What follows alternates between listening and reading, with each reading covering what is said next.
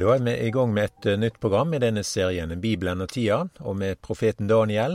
Og denne profetboka så møter vi jødene. Det er Daniel som eh, er representert her da, med vennene hans, og de var av Juda etter. Vi ser òg andre mennesker når vi leser i profeten Daniels boke. Noen som da ikke har med Israel å gjøre. Det er av eh, babylonsk opphav, Nebukanesaren, kongen, men vi møter også perserkongen Darius. Så kan vi gjerne stille dette spørsmålet her, var det noen kristne der i Babel, og ellers som vi leser om i denne profetboka? Eller er det bare jødene og babylonerne? Dette med å være en kristen, da er jo et navn som vi finner seinere i Bibelen vår, og da i Det nye testamentet. Og første gangen vi leser om dette her, er ifra apostelgjerningene 11, kapittel 26. Og Da står det at eh, Og han fann han, og tok han med eh, seg til Antiokia. Der var de saman i kyrkjelyen et heilt år og lærde ein stor flokk. Det var i Antiokia læresveinane først vart kalla kristne. Så dette navnet kristen, eller kristne, da kjem av eh, Kristus-navnet. Så det har med Jesus å gjøre. De var Jesu læresveinar. Og dette er ikke noe vi finner i profeten Daniels boke, en sånn måte å seie det på, da. Eh, de var ikke kristne slik på den måten vi ligger i navnet, da. Men Daniel og vennene hans, de hadde med Gud å gjøre. Så, men de har ikke dette her navnet at de omtalte seg som kristne. Sjølve kristennavnet er noe som er tatt i bruk da, etter Jesu død og hans oppstandelse, og det er på mange måter en benevnelse på et folk og, og mennesker som har, da har med Guds menighet å gjøre. Og Guds menighet er ikke omtalt i profeten Daniel, og heller ikke i profeten Esekiel eller i Salmenes bok for den del. Grunnen til at Guds menighet er en hemmelighet, da. Vi ser det heller ikke omtalt i evangeliene. Det er ingen som kaller seg kristne, da jo Lukas eller Matteus, Markus eller i Johannesevangeliet. Det er en hemmelighet, og det er apostelen Paulus som forteller dette, og vi kan lese det fra Efeserbrevet, kapittel 3 her, og vers 4. Når det les det, vil jeg skjøne hva innsyn jeg har i Kristi løgndom. I farne tidsalder var han ikke gjort kjent for menneskeborna, såleis som han nå ved anden har blitt åpenbæra for hans heilage apostler og profeter. At hedningane er medarvinger de hører med til lekammen, og de har del i lovnaden i Kristus Jesus ved evangeliet. Så her leser vi om noe da som ikke var gjort kjent før. Det var ikke kjent på Moses' si tid eller på Jesajas si tid, men nå er det kjent, sånn som jeg leste det her ifra Efeserbrevet. Og dette er på Guds kalender. Så er det ei tid som vi kaller for menigheten, og det er denne tida da Gud tar seg ut et folk for sitt navn blant hedningene. Dette står i apostelgjerningene, kapittel 15, og jeg leser fra vers 14. Simon har fortalt hvordan Gud fra først av sørgde for å ta seg ut et folk for sitt navn mellom hedningene. Og dette samsvarer ord hjå profetene, der det står skrevet. Deretter vil jeg vende attende og bygge opp att Davids falne hytte. Det av henne som er brote ned, vil jeg bygge opp på nytt, og jeg vil atterreise henne. Så vi ser at Gud han tar seg ut et folk for sitt navn, og dette folket er da de som tar imot Jesus som sin frelser, og det er de som utgjør Guds menighet. Denne menigheten finner vi ikke hjå Daniel, sånn da, og det er heller ikke noen som kaller seg en kristen. Dette er en periode, ei tid, som har da med Jesu død og hans oppstandelse, og døpt på pinsedag med Den hellige ande. Her får du da sin, eh, sin start, og den vil få sin avslutning med at menigheten blir teken bort fra jorda, i et nu, i en augneblink, ved den siste basun. Og dette er jo en begivenhet som kan skje hva tid som helst. Vi leser om dette blant annet i første Tessalonikabrev kapittel fire. For dette sier vi dykk med et ord av Herren. Vi som lever og vert til dess Herren kjem, skal så visst ikkje komme i førevegen for dei som er sovna inn. for Herren sjøl skal komme ned fra himmelen, med et bydende rop og med overengens røst og med Guds basun, og de døde i Kristus skal først stå opp. Deretter skal vi som lever som har vårt art, sammen med de rykkast opp i skyene, opp i lufta, for å møte Herren. Og så skal vi for alltid være saman med Herren. Trøysta kvarandre med desse orda. Og disse ordene her som vi leste, så minner det meg litt om Enok, som vi leser om i Første Mosebok kapittel fem. Han vandra med Herren, står det, og så vart han borte, for Gud tok han til seg. Enok vart med Herren heim. Og på samme måte er det òg med Guds menighet. Det er et folk som vandrer med Herren, og det er dette som er håpet over hverdagen og over livet. Det er vandringa heim til himmelen. En kristen har et levende håp på grunn av at den tilhører en levende frelser. Vi kan jo undres over hva for signal, eller hva er det for røyst, som skal lya når Herren henter heim Guds menighet. Vi leste jo her at det skjer med overengels røst og med Guds basun.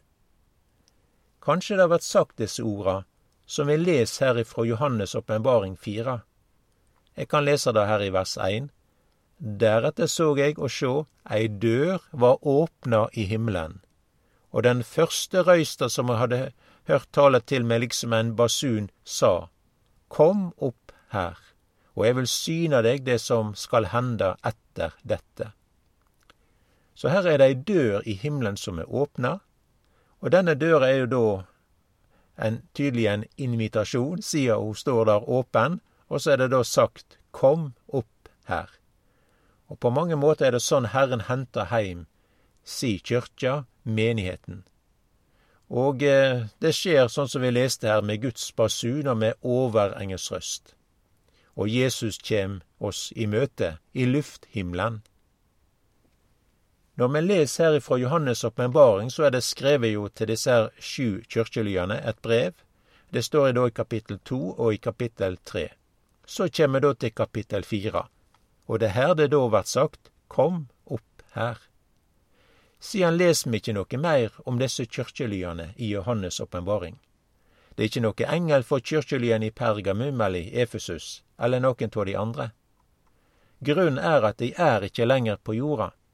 De er i himmelen, de er heima, de er i Faderhuset, de er i bryllup. Og vi leser også her videre i Johannes' åpenbaring, så møter vi òg dei som følger lammet, kvar det så går. Vi leser om dei som står der på Sions berg og har Guds navn og, lammets navn skrevet på sine panner. Vi leser om dei som kjem ut av den store trengsel og har tvetta sine kjortler i lammets blod. Men dette er ikke Guds menighet, eller det folket som Gud har tatt seg ut av hedningene for sitt navn. Og grunnen til at det ikke er menigheten, er at menigheten er heima. De er i lag med Jesus, etter at Jesus har henta heim sitt folk, altså brudeskaren eller menigheten, så skjer det mange begivenheter videre på jorda. Og det er da vi leser om her i Johannes' åpenbaring.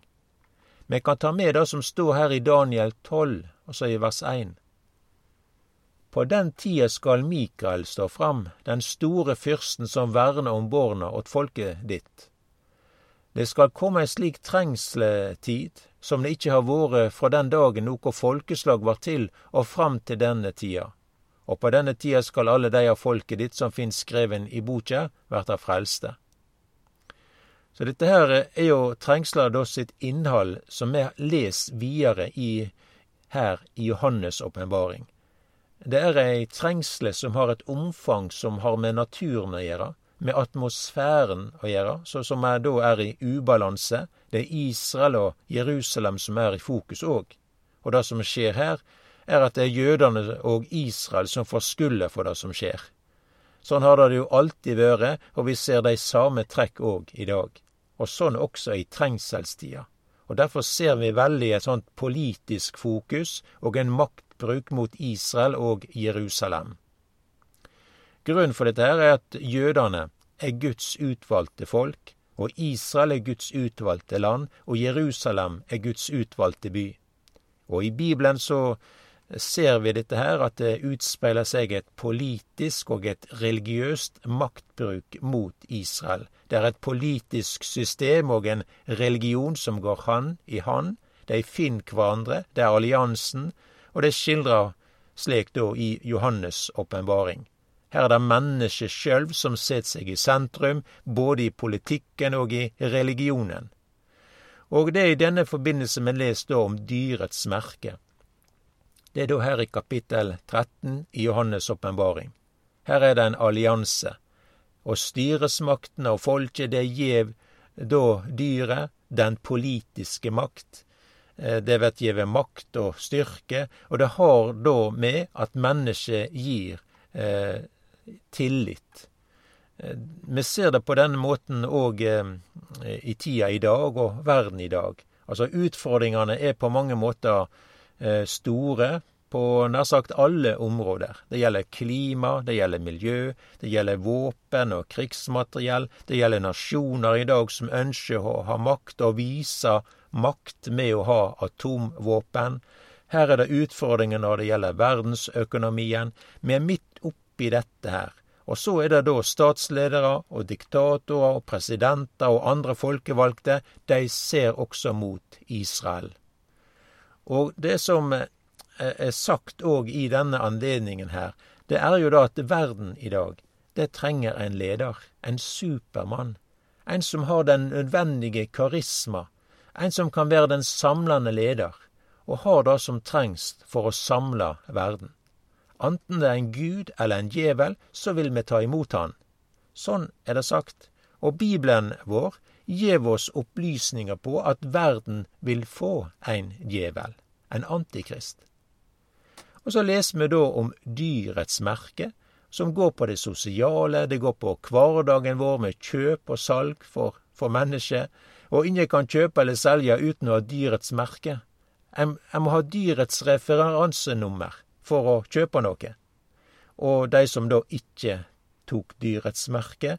Det er disse som vi da leser om her i Åpenbaringen kapittel sju. De kjem ut av den store trengsel.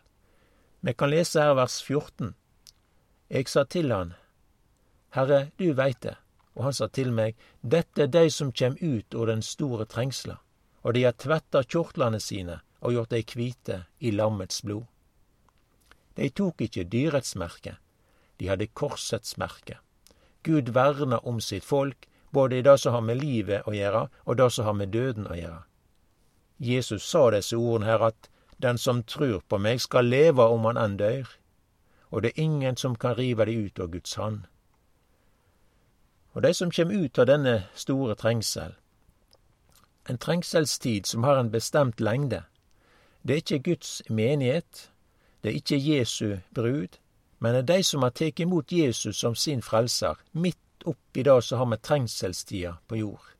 Og dei har kvite kjortlar, og det er uttrykk for at de har Kristus-kvaliteter.